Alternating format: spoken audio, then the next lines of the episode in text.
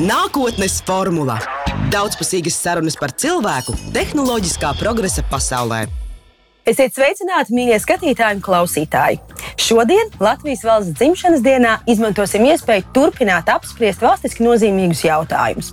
Šodien Eiropas Hīta radio studijā kopā ar Rīgas mēru Mārtiņu Staķi ieskicēsim galvaspilsētas Rīgas attīstības scenārijus, iespējas un nākotnes vīzijas. Sveicināti, Mārtiņ! Labdien! Paldies par uh, iespēju ar tevi šodien sarunāties šajā saspringtajā svētku laikā. Zinu, ka darāmā vairākās saprašanas, bet tomēr arī skatīties uz ilgtermiņa mērķiem un uz vīzijām ir tieši tikpat būtiski. Ne tikai risināt varbūt tekošos ikdienas darbus un, un skriet pakaļ mūsu saspringtajiem grafikiem. Valsts centrs Rīga. Uh, Mūsu sarunas nākotnes formulā vienmēr grozās par un ap ilgspējas jautājumiem, kas ir trīs dimensijās, gan sociālā, gan ekonomiskā, gan vidas ilgspēja.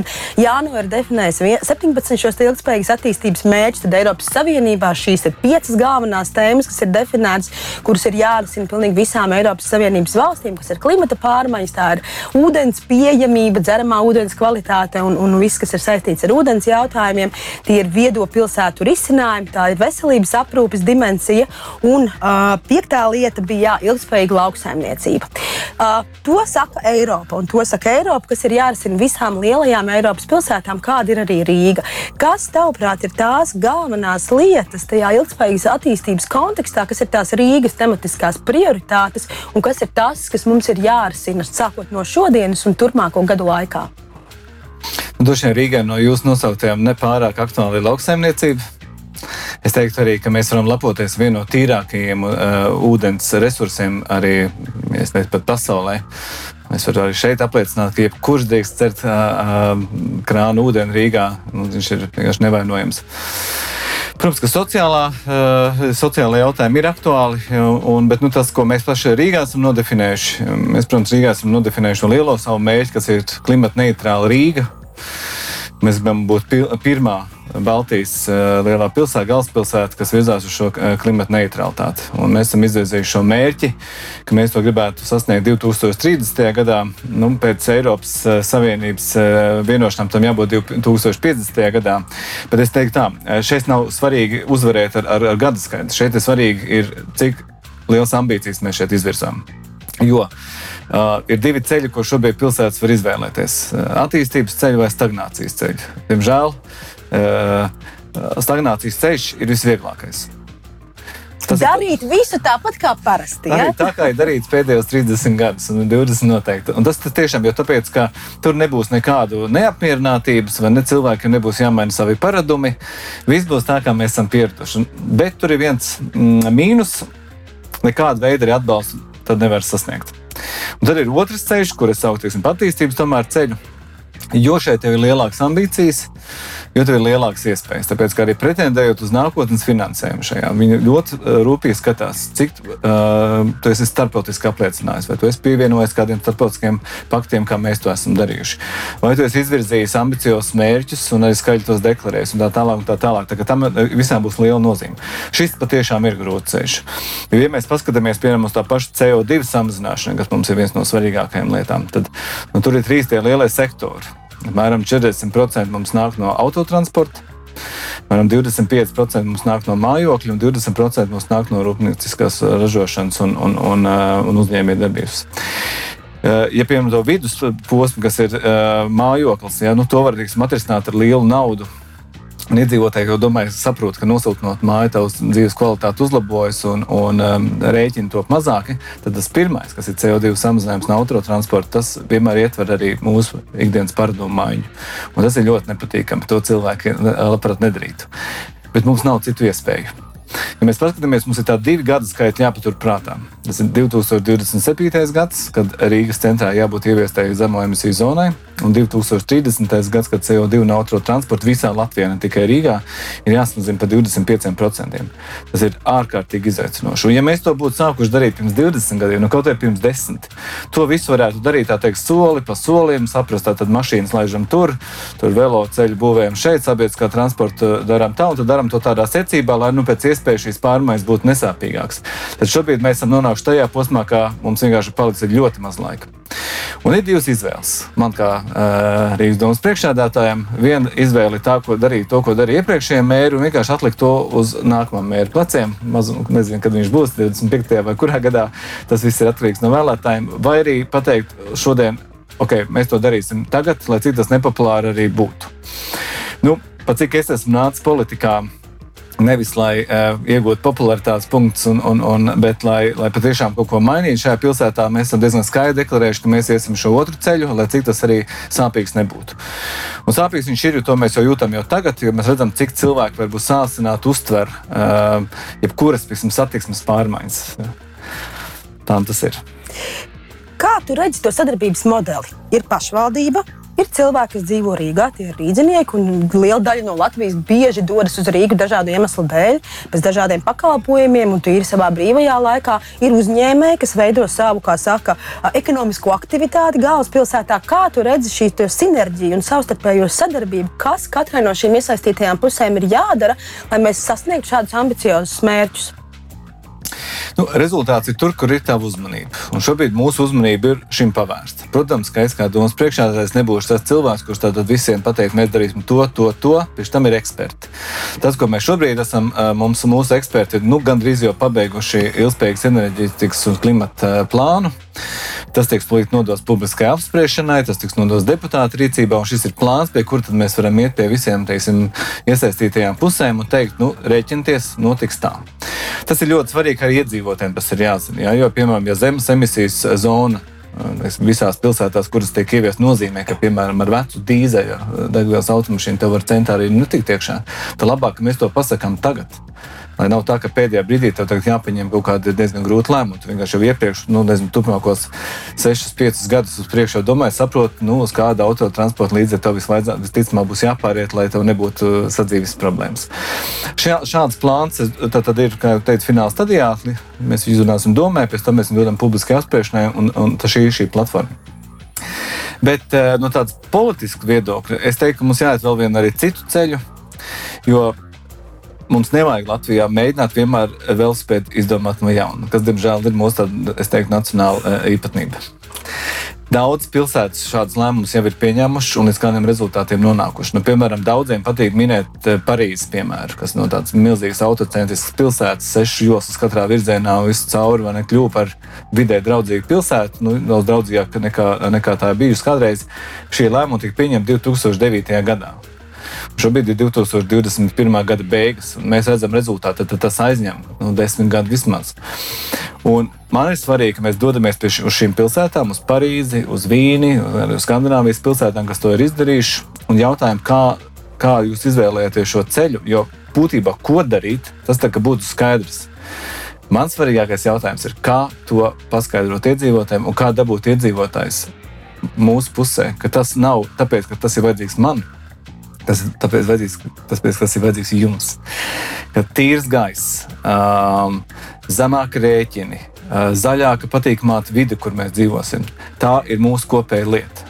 Pat tad, ja dēļ tā kaut kas kļūst dārgāks, nērtāks un tā tālāk. Un, protams, ja mēs dēļ tā izglābjam arī kādu polārlāci, tad arī tas nav slikts uh, mērķis, bet tas nav pamatā. pamatā tas ir par mūsu dzīves kvalitāti, ko mēs šobrīd cīnāmies.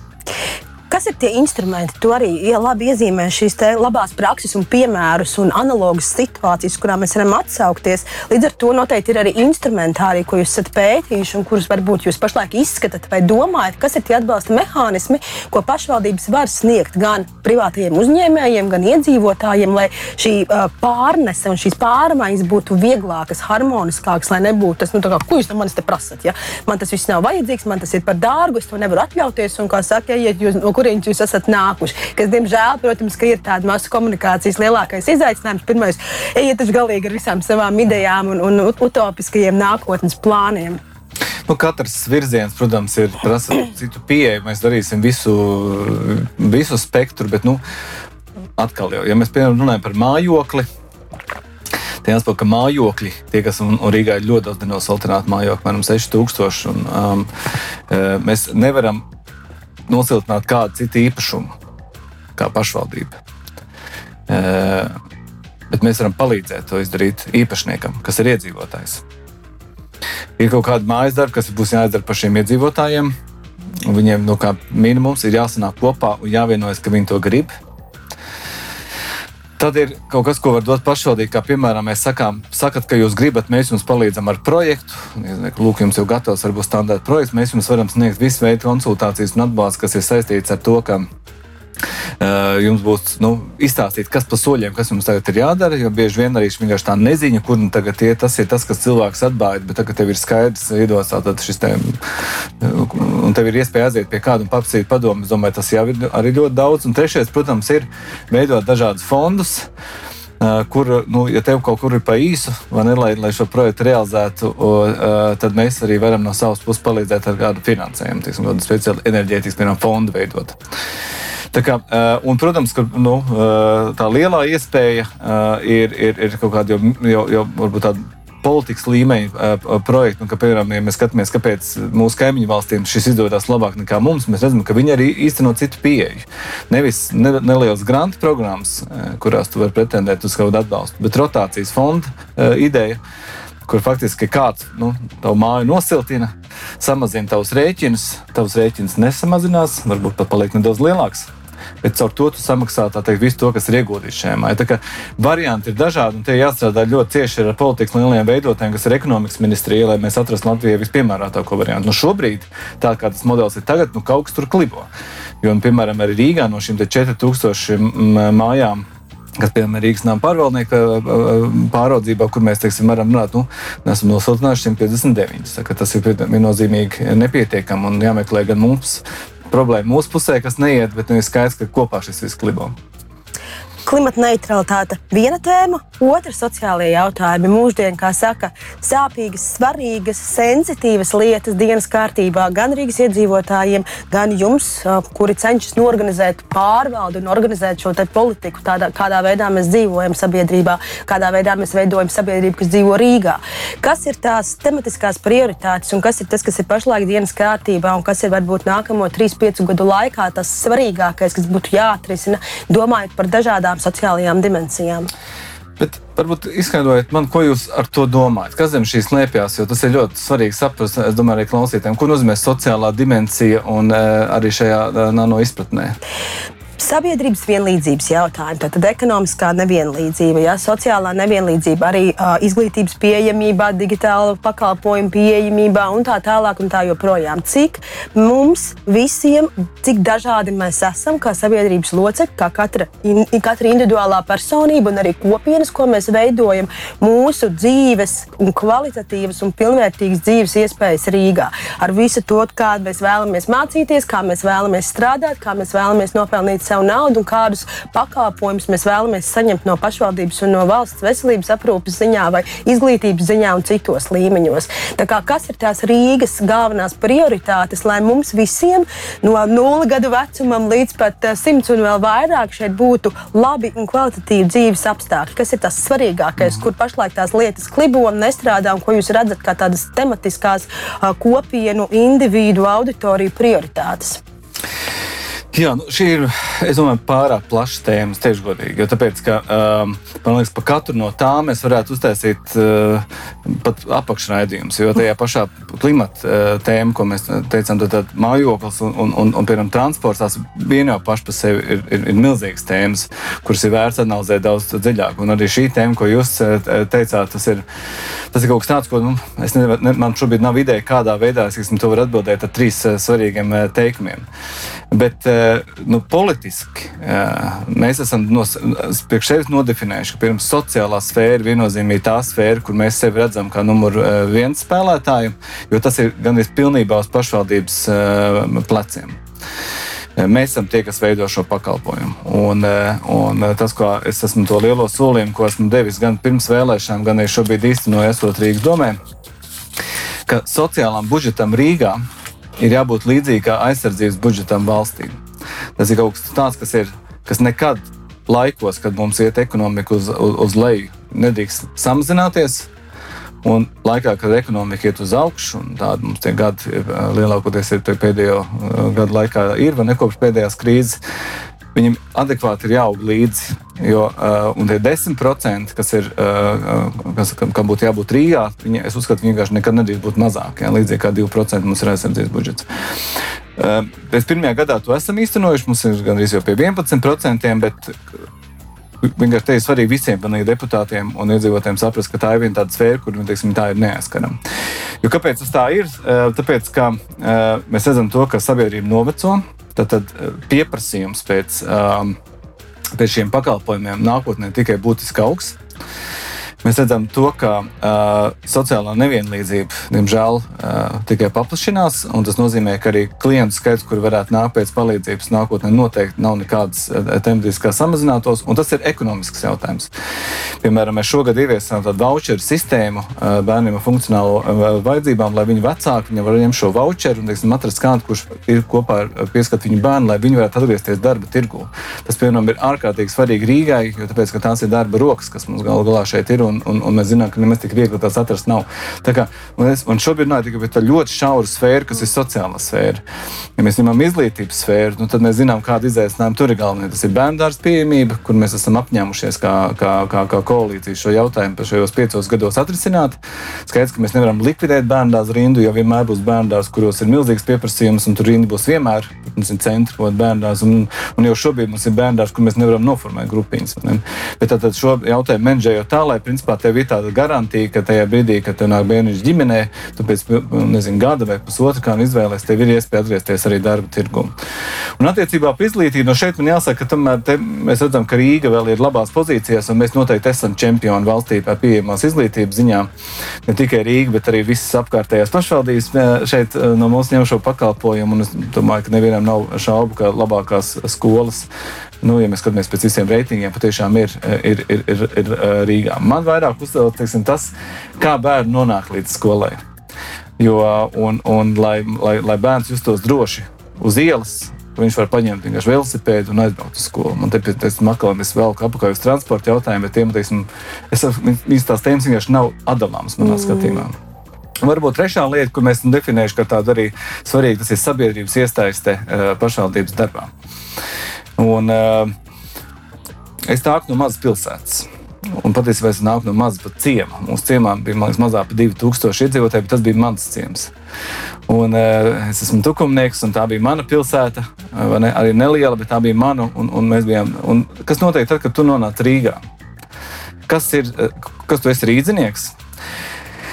Un tā atbilde manā skatījumā slēpjas vārdā apkaime tu esi piederīgs kaut kādai noteiktai apkaimē. Tāpēc mēs esam arī definējuši, ka piederība apkaimē un apkaimē iesaist Rīgas eh, domas lēmumu pieņemšanā, mūsuprāt, ir vienkārši atslēga uz, to, lai cilvēks taptu iesaistīts, uzklausīts un tā tālāk. Un šogad arī izbraucot apkaimes, mums bija tāda kā tikšanās ar apkaimes iedzīvotājiem, mēs redzējām, cik dažādas tās ir, cik dažādas ir problēmas šajā apkaimēs.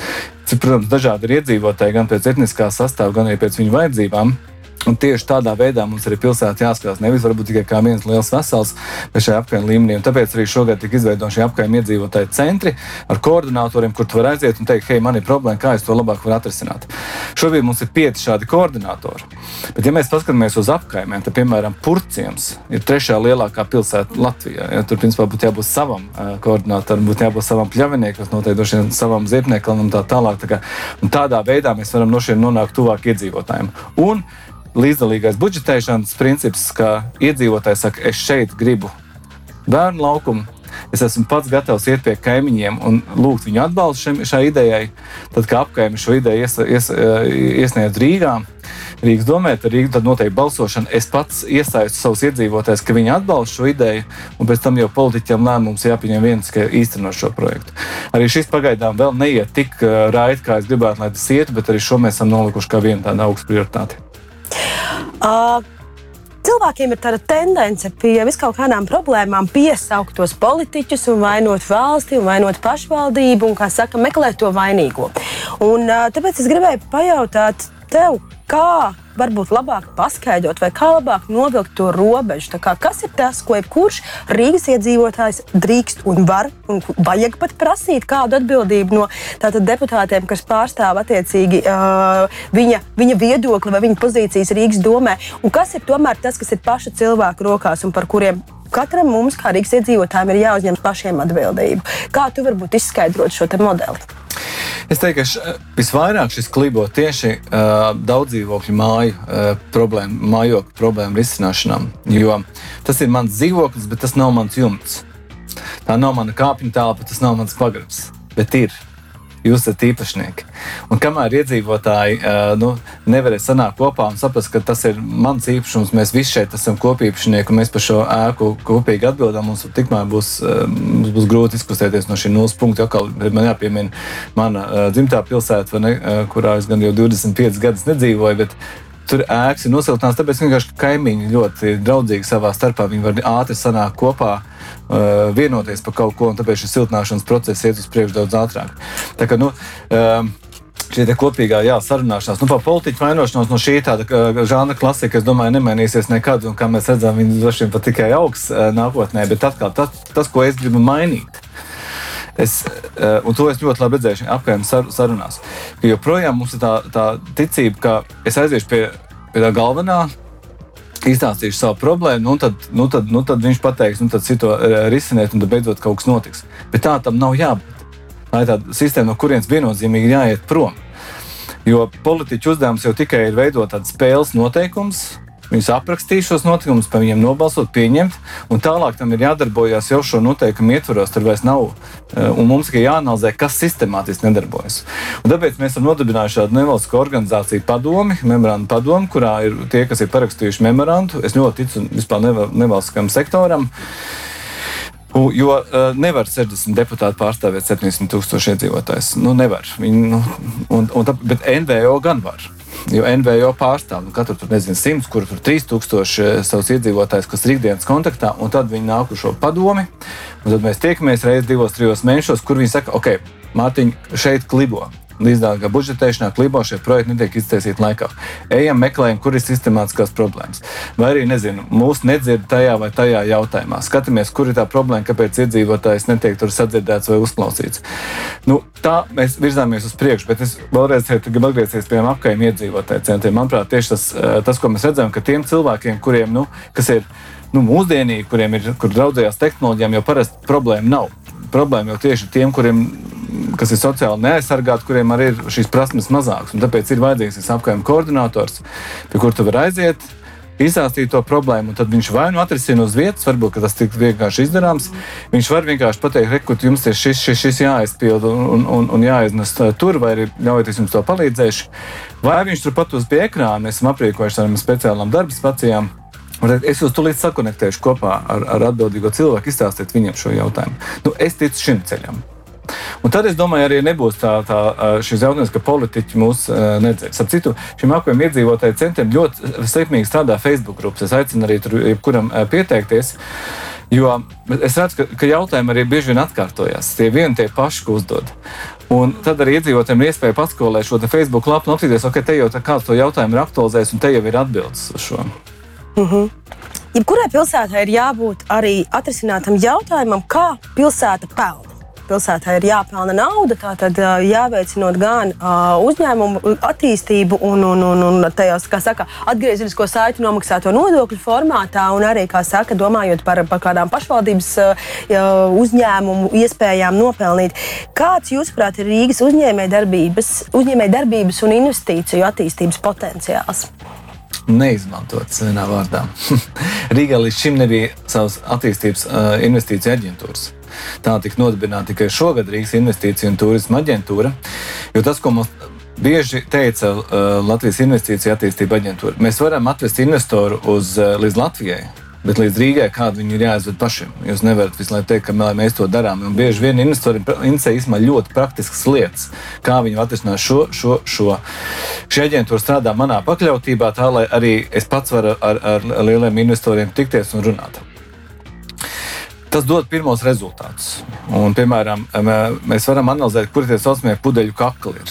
Mēs labi zinām, ka būvvalde ir viens no pudeļu kakliem. Un šobrīd mums ir saucamais zaļais koridors, kas tika ieviests lieliem investīciju projektiem, jau dod rezultātu tādu, ka mums apmēram 500 miljonu vērtu projektu ir izgājuši caur šo zaļo koridoru, kas ir pātrināta saskaņošana. Mēs parādāmies beidzot pasaules reitingos, pilsētu reitingos, jo mēs konkurējam ar citām pilsētām. Un, un līdz šim Rīga nebija uz kartes. Cilvēkiem tas bija tāds, viņi iziet cauri, viņi redz, kādi varbūt ir piedāvājumi citām pilsētām, tā skaitā Viļņai, kuriem mēs esam zaudējuši iepriekšējos gados, un beidzot parādās Rīga kaut kādos reitingos no tālāk. Un tas ir ļoti grūts darbs, kas tiek sadalīts trijos virzienos.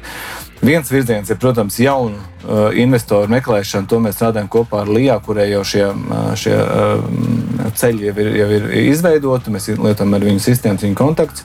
Otrs ir tie investori, kas jau Latvijā ir kur saka, ok, mums ir tāda un tāda problēma. Nu, es minēšu piemēru. Mēs tagad mainīsim uh, dažas lietas nekustamā īpašuma nodokļu sistēmā, kuru mums tieši ir pateikuši vietējie investori. Viņi saka, uh, Nav, norm, nav pareizi, ka piemēram nekustamo īpašumu nodoklis tiek maksāts no dienas, kad tu jau esi uh, nu, izteicis ideju, ka tu būvēsi ēku. Principā mēs, mēs, mēs sakām, uh, ļaujiet mums maksāt no tā brīža, kad mēs esam ēku pabeiguši tad mums arī būs lielāka motivācija ēkas būvēt. Un šie mājokļi parādīsies Latvijā vairāk. Un tāpēc mēs šobrīd tiksim, tādā veidā ejam uz izmaiņām attiecībā uz nekustamo īpašumu nodokli. Un tas trešais ceļš, protams, Rīgas tēla veidošana kā tāda. Jo Rīgai, piemēram, ja man tagad būtu tikšanās ar Ilonu Masku, viņš teica, ok, nosauc man trīs iemeslus, kāpēc investēt Rīgā. Mums jādod ļoti precīzi atbildes to, un, to, un tas ir tēla veidošanas jautājums. Kas varētu būt tās atbildes? Um, es nedomāju, ka tās ir tādas īpaši atrautas no, no, no, no, no Latvijas lielajām atbildēm. Bet, protams, ka pirmkārt. Um, Tie ir cilvēki. Mums ir ļoti daudz izglītotu, jaunu cilvēku, un, un, un talantu, kas to var darīt. Nu, piemēram, tas pats Swisscom, kas ir eh, nu, Šveices lielākā telekomunikācijas eh, uzņēmums, viens no lielajiem spēlētājiem, ir izvēlējušies tieši Latvijā veidot savu servisu centru, kurā, kas uz, kur pieņem zvanus no visas pasaules, jo šeit ir uh, labi attīstīta IT struktūra, uh, ir cilvēki, kas saprot, kam patīk, kas, kam interesē. Šo darbinieku ir daudz pa maz, ja mums būtu vēl vairāk, mēs varētu vēl vairāk atvēst, bet nu, šis ir viens tāds labs piemērs. 5G uh, tīkla pārklājums. Eh, Nākamā nedēļa arī uzstājos konferencē. Mums vienkārši ir jāpiesaka, ka šī ir vieta, kur jūs varat nākt, testēt jaunas tehnoloģijas, jaunas arī pilsētvidas tehnoloģijas. Mēs esam gatavi tās ņemt pretī un tās pie sevis ieviest. Mēs esam nodefinējuši vairākas pilotu teritorijas pilsētā, kuras būs atvērtas tieši šāda veida testiem. Šobrīd arī veidojot mūsu eh, pieteikumus finansējumu projektiem nākamajam gadam, esam arī izvirzījuši kā vienu no pamatmērķiem tādu. Es nespēju, nemēģināšu viņu izskaidrot, bet principā platforma, kurā tu vari sākt likt dažādus raidītājus, dažādas uh, aparatūras pa visu pilsētu, kas vienā 5G mākonī sanāk vienā datu kopā un lai to analizētu. Atkal, tajā brīdī, kad tu šādu projektu kā pilsēta veids, visai pasaulē ir interese braukt šeit un saprast, kas tur notiek un ko mēs, mēs varam tajā piedalīties. Nu, tā kā es teiktu, šī tā ir tā otrā sfēra, un trešā, protams, ir Latvijas un Rīgas arī ģeniālais novietojums. Jo, Nu, nav Baltijas līmenī neviena pilsēta, kur tu vari ērti savienoties ar simts eh, vietām pasaulē. Nu, Rīgai šāda priekšrocība uh, ir, un tas viņam ir ļoti, ļoti svarīgi. Bet vēl svarīgāks tomēr ir, ir tas, ka uh, tu viņiem tiekoties, vienkārši saki, ka mēs jūs gribam. Mēs, jums, mēs, zinām, mēs zinām, kā jums, mēs jums varam palīdzēt. Viņam šis attieksmes jautājums patiesībā stāv bieži vien pāri jebkuriem citiem jautājumiem šo digitālo teiksim, tā, pakalpojumu un vispār teiksim, jā, tas, tas tā visa vide, kas grozās par informācijas un komunikāciju tehnoloģijām, tad uzņēmējdarbības formām, kuras var attīstīt, tad balstoties uz šīs bāzes. To dara Igaunija, to dara Tallina, to mēģina darīt un arī palēnām kaut kas sāk izdoties arī Lietuvā un Viļņā kā galvenajā centrā, ar ko mūsu varbūt šīs IT uh, potenciāls atšķiras no tā, ko jau dara mūsu kaimiņu valsts mums parādās kaut kāda precīzāka nozaru uh, definīcija vai nozaru virzieni, kas tad varētu būt tā mūsu stiprā puse? Es teiktu, ka mūsu nozare jau sen ir labāka. Mums ir tikai sliktāks mārketings. Igauni vienkārši tiešām ir ve ļoti veiksmīgi sevi uh, nopozicionējuši šajā jautājumā. Protams, arī caur dažiem ļoti zināmiem arī pasaulē vienradžiem un, un, un vispār definējot sevi kā e-valsti uh, kopumā. Tas bija viņa galvenais, nu, galvenā ziņa vairāk gadu garumā tēla veidošanā. Bet, ja mēs paskatāmies kaut vai šo. Um, mm, nu, Rīgas ne, pavisam nelielo uh, vietu, kas ir teikas apkaimē, kur ir Vefresh visi šiem, šie uzņēmumi, kas ir 40% no Latvijas eksporta. Mums tur jau ir zvaigznes, sākot ar mikrotiku, ne, uh, beidzot ar, um, ar, ar, ar to, ko ir panācis uh, izdarījis LMT un, un, un, un uh, Accenture un tā tālāk. Tā kā, pieksim, ražošanas ziņā mēs šobrīd jau esam priekšā. Uh, un es teiktu arī šo, un, un tas ir svarīgi uh, investīciju ziņā, ka uh, tas nav tā kā magnēts. Līdz ko tev ir viena ražotne, tā pievāk uzreiz vēl trīs apkārt. Un tad, kad tās trīs tās pievāk vēl apkārt kaut citu, un, piemēram, pagājušajā nedēļā mēs tikāmies ar tieši uzņēmējiem, kas ir saistīti šajā nozarē, lai mēs varētu kopīgi ar Rīgas atbalstu pieteikties vienam milzīgam projektam, uh, lai uh, mikročips ražotu Rīgā.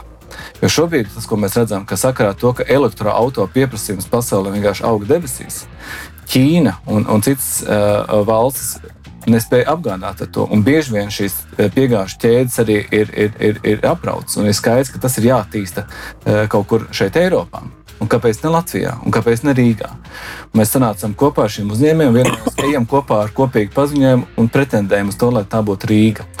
Tā kā nu, šajā ziņā mums, es domāju, tieši tie mūsu uzņēmēji, kas Rīgā to jau, jau, jau sev panākuši, jau arī ir faktiski Rīgas vizītkārta no pilsētas puses, tie vienkārši jābūt tas, ka mēs esam kopā ar jums, mēs vienmēr atbalstīsim to. Sadarbība un konkurence. Mēs šī salīdzināšanās ar kaimiņu valstīm tā ir normāla parādība un veselīgā līmenī tas ir arī vajadzīgs. Mums ir jābūt atskaites sistēmai, kā mēs augam, kā mēs vērtējam pašu savu izaugsmu un kā mēs skatāmies sevi reģionālā, Eiropas līmenī un arī daudz plašāk.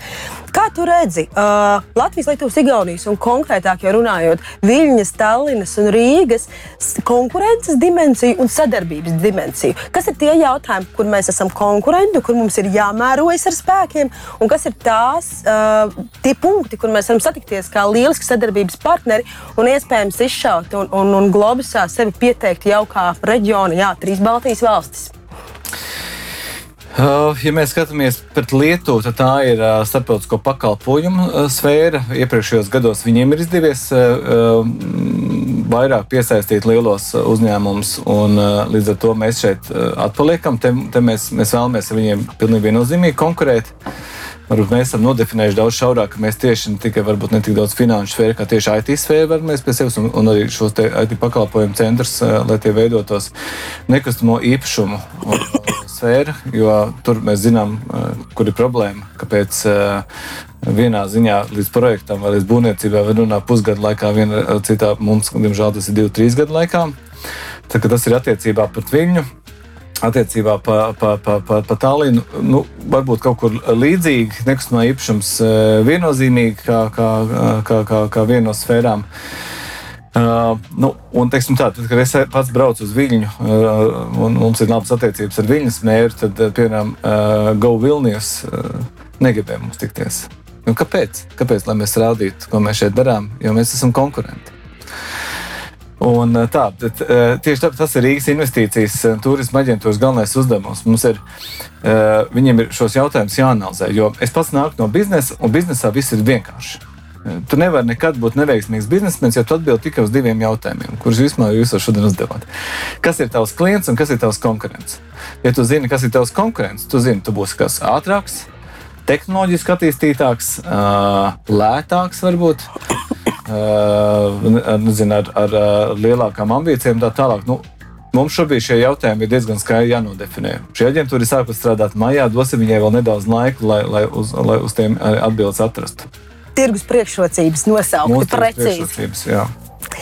Uh, Vai esošā infrastruktūra, mūsu vēsturiskā apbūve, mūsu jā, visa, visa, visa teiksim, tā loģistika, kāda notiek Rīgā, vai viņi ir piemēroti nākotnes pilsētai? Uh, vai un kādā veidā vizuāli, infrastruktūras ziņā, satiksmes plānojuma ziņā un visādos citādos faktoros pilsētai būtu jāmainās, lai mēs pielāgotos tām nākotnes vajadzībām un veidot to pilsētu vidu atbilstoši tam nākotnes cilvēkam, kurš šeit vēlētos dzīvot? Tas ir ļoti labs jautājums. 9, pirms 19 gadiem uh, Kopenhāgena kā pilsēta bija uz bankrota robežas. Un viens no galvenajiem iemesliem bija tas, ka vienkārši iedzīvotāji vairs šādā pilsētā negribēja dzīvot. Viņi vienkārši devās no šīs pilsētas prom, uh, dzīvot vidē, kas viņiem ir patīkamāk. Vai nav kaut kur dzirdēts stāsts? Un šas, tieši tas notiek Rīgā. Un ko Kopenhāgena izdarīja? Viņi vienkārši saprata, ka mēs investēsim tajā infrastruktūrā, kas ir vislētāk un visātrāk izveidojama. Un tas ir uh, savienots kvalitātes velo uh, tīkls un uh, moderns, uh, ātrs sabiedriskais transports. Un trešais, protams, pašas pilsētas vide kā tāda, lai tā būtu zaļāka. Uh, jo tagad mums bija mājasēde. Vai Rīga bija skaļa pilsēta? Pilsēta nav skaļa, automašīnas ir skaļas. Un, uh, un tā, bet mums ir viens, nu, jāsaka, arī plus un mīnus vienlaicīgi, un tas ir UNESCO mantojums. Un, piemēram, cik grūti man šobrīd ir pilsētā iestādīt koku, lai man to saskaņotu, piemēram, kultūras mantojuma pārvalde vai tālāk, tas ir vienkārši apbrīnojami. Tā kā, nu, teicu, visu laiku mums, protams, ir jās, jāsalāgo tas mūsu vēsturiskais mantojums kopā ar to, kādu mēs šo Rīgu redzam. Bet primāri, protams, mums ir mums jāsaprot viena lieta. Ir. Un lielākie parasti iebildumi cēlāji par, par mūsu iecerētajām pārmaiņām pilsētām ir patiesībā tie, kas pilsētā nemaz nedzīvo. Un tad man ir jautājums. Ir, Es pirmā sāku to, kur jūs dzīvojat. Viņi saka, nu, labi, es Rīgā jo es esmu prom, es nezinu, dzīvoju tur, piemēram, Pierīgas pašvaldībā. Nu, jums eh, cik var braukt, atļautais ātrums ir? Nu, viņi saka, mums tur ir salikti guļošie policisti, mums ir 30 km/h, mēs tur vispār jūtamies ļoti labi. Mums bērniem nav bailes iziet uz ielas un tā tālāk. Bet kāpēc jūs domājat, ka Rīgas iedzīvotāji to, negrib? Centra iedzīvotāji patiesībā tieši to pašu grib, lai šeit nebūtu caurbraucamie vārti, lai jūs šeit brauktu lēnāk un mierīgāk, lai mums būtu infrastruktūra, lai mums nebūtu savus bērnus jālaiž uz uh, ielas, lai mamma ar bērnu uh, ejot pastaigāties, nevis abi vecāki iekrampējušies, lai viņš nedodies uz ielas pusi nepaskrien, bet viņi var justies droši. Tas ir šie elementāras lietas, ko mēs vēlamies panākt Rīgā. Vai tās radīs nērtības tiem, kas mīl vienkārši Rīgai izšauties ātri cauri? Jā, es uzreiz varu pateikt, viennozīmīgi radīs. Un mēs domāsim, kā, jūs, kā, kā jums būtu ērti apbraukt centru. Šobrīd būvējam Austrumā maģistrāts pirmos kārtumu, otro kārtu mēs zinām, kur mēs vēl vēlamies, ko būvēt, bet ir skaidrs, ka tāds centrs, kāds viņš izskatīsies tagad, izskatās, viņš tāds nebūs. Jau 27. gadā viņš nebūs, tāpēc, ka tur būs uh, zema emisiju zonas un viņš nebūs, mēs viņu projām padarīsim draudzīgāku un zaļāku līdz brīdim, kad, ka, kad mēs panāksim to pašu efektu, ko panāca Kopenhāgena. Ka iedzīvotāji tieši centru izvēlējās, ka numur uh, viens vieta, kur dzīvot, un tas kļuva prestižs tieši dzīvot centrā. Rīgai ir visas priekšrocības, Rīgas centrs vienmēr būs interesants. Jo tāpēc, tas ir tuvu augstskolām, tuvu darba vietai, nezinu, labākas kultūras un izklaides iespējas. Mums viss tas ir. Mums tikai jāpieliek klāt, ir zaļāka, patīkamāka, klusāka, drošāka, mierīgāka vide. Viss vienkārši izklausās. Bet, tas, uh, bet būs jāpieņem grūti lēmumi. Nu, piemēram, šis lēmums arī Krišāna Barona ielu pārvērst par, par gājēju un velobraucu un sabiedriskā transporta ielu. Nu, tas skan jauki, bet tajā brīdī, kad protams, cilvēks sapratīs, ka mēs vairs nevaram uz šo ielu pagriezties, mums tagad jābrauc citur, es domāju, ka vienkārši tas viss nebūs. Uh, kā ir ar investoru viedokli par to, cik ērti un uh, cik, cik uh, varbūt tās izdevīgi ir viņiem veidot, piemēram, šeit savus birojus un vest savus darbiniekus, varbūt veidot starptautiskas komandas un viss pārējais. Varbūt Rīgai pietrūks savus debeskrāpju centrs, un kur tieši fokusēties uz kaut kādām citādākām uzņēmējdarbības formām vai akumulēt visus tos pakalpojumus un servisus, ko meklē lielie uzņēmumi. Vai tieši otrādi līdzinājā komunikācija un pieredze ir apliecinājusi to, ka mūsu vēsturiskā apbūve apbūve, mūsu vēsturiskās skaistās ēkas ar to plānojumu un tām telpām, kas ir pieejamas, pilnībā apmierina arī dažādus starpvalstu sadarbības modeļus un, un, un dažādus investorus, kas varbūt būtu ieinteresēti veidot savas pārstāvniecības Latvijā.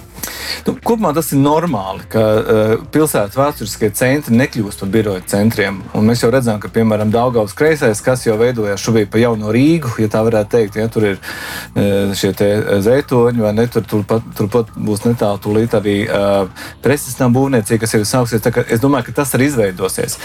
Pirms diviem, trim gadiem mēs varējām teikt, ka Rīgas lielākā problēma ir A klases biroja trūkums. Tad šobrīd situācija ļoti strauji pamainījusies. Piemēram, Lietuva, kurā bija A klases biroja nu, pārpilnība, šobrīd saskarās ar to, ka nav kas savus birojos vēlas strādāt. Jo ko mums ir iemā, iemācījusi ir epidēmija un pandēmija, ka mēs patiesībā ļoti var, labi varam strādāt arī no mājām. Tā kā, nu, te, tas, nu, pieņemot lēmumu, ka mēs tagad būvēsim liels uh, biroju centrus, lai, lai cilvēkiem būtu strādāt, tas var, kā mēs redzam, ļoti strauji mainīties. Tas, kas gan viņiem ir interesanti, uh, viņiem ir interesanti tas, lai būtu ērti līdz šiem birojiem nokļūt. Tas ir mūsu mājas darbs. Tā izskaitā arī velo infrastruktūra ir ļoti pieprasīta no, no investoru puses. Tas, kas ir no investoru puses ļoti pieprasīts, ir mājoklis lai šiem cilvēkiem būtu kur dzīvot. No to mums Rīgā ir problēma. Tāpēc mums ir ļoti svarīgi, ka šobrīd tieši dzīvojamie un īres nami Rīgā aug. Tāpēc arī visas šīs izmaiņas, ko es minēju par nekustamo īpašumu nodokli un tā tālāk. Tas, kas viņiem ir uh, svarīgi, ir, ir, ir, ir uh, kur mācīsies mūsu bērni, lai viņiem būtu iespēja iet uz bērnāžu, lai viņiem būtu iespēja arī uh, mācīties uh, skolās. Nu, te mums jāskatās, vai ir pirmskolas izglītības iestāde, bet attiecībā par skolām mēs jau šeit varam daudz ko piedāvāt.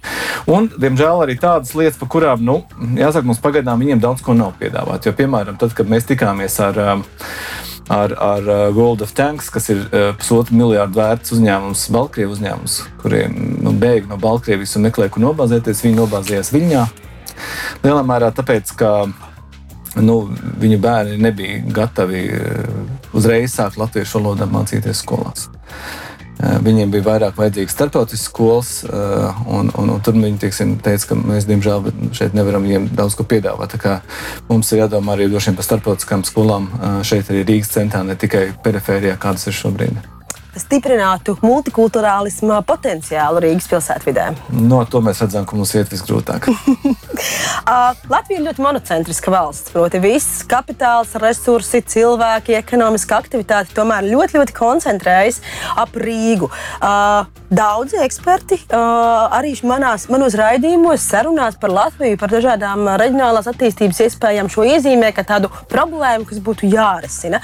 Kā tas ir tavuprāt? Vai tas ir ok, ka mēs esam ap to Rīgu kā tādu sirdi un tādu centru, vai tomēr mums vēl prasās attīstīt eh, kaut kādas citas pilsētas, kuras ir konkurētspējīgas, un, var, un kā varbūt Rīga var palīdzēt citām pilsētām izaugt, attīstīties, lai mums nebūtu teiksim, tā tik izteikta koncentrācija tieši tajā galvaspilsētā. Es domāju, ka mums nevajag tam pretoties, vai tieši otrādi izmantot iespējas. Un es teiktu, ka ir nu, no ekonomikas viedokļa, ja mēs skatāmies pēdējo gadu, uh, nu, tas, kas notika Latvijā, ka investīcijas, nu, teiktu, tā Eiropas Savienības fondi un, un tā, tā politika bija vairāk veidota tieši, lai nu, investētu ārpārtē, apkārtējās pilsētās, jo nav sevi pierādījusi.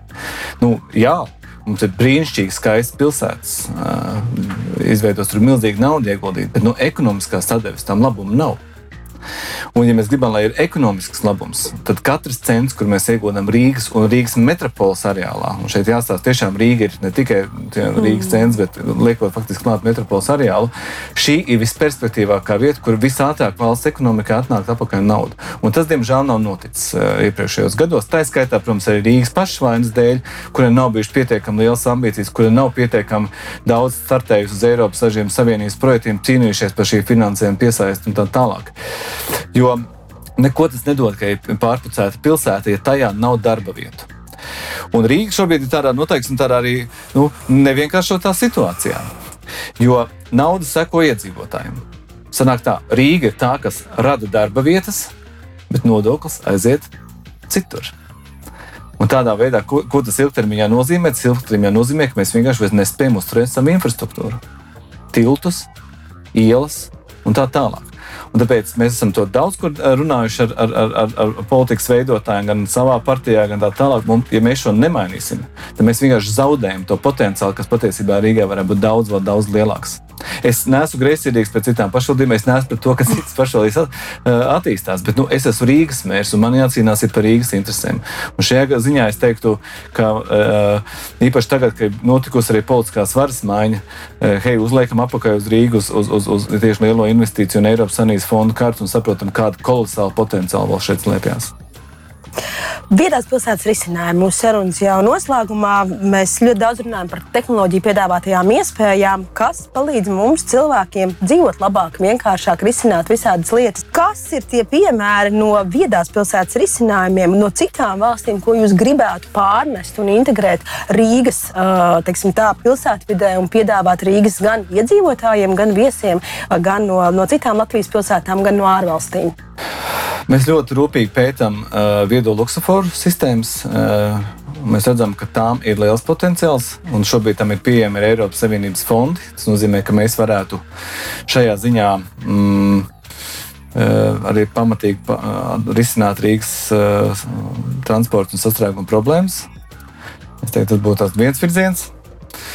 Uh, Es domāju, ka nebaidamies runāt par to, ka nākotnē nezinu, droni varētu piegādāt preces. Uh, Sabiedriskais transports, kurš, kurš iet bez, uh, bez, bez, bez vadītāja un tā tālāk, un um, nezinu, roboti, uh, kuri izvadā, nezinu, piegādā tev ēdienu mājās un tā tālāk.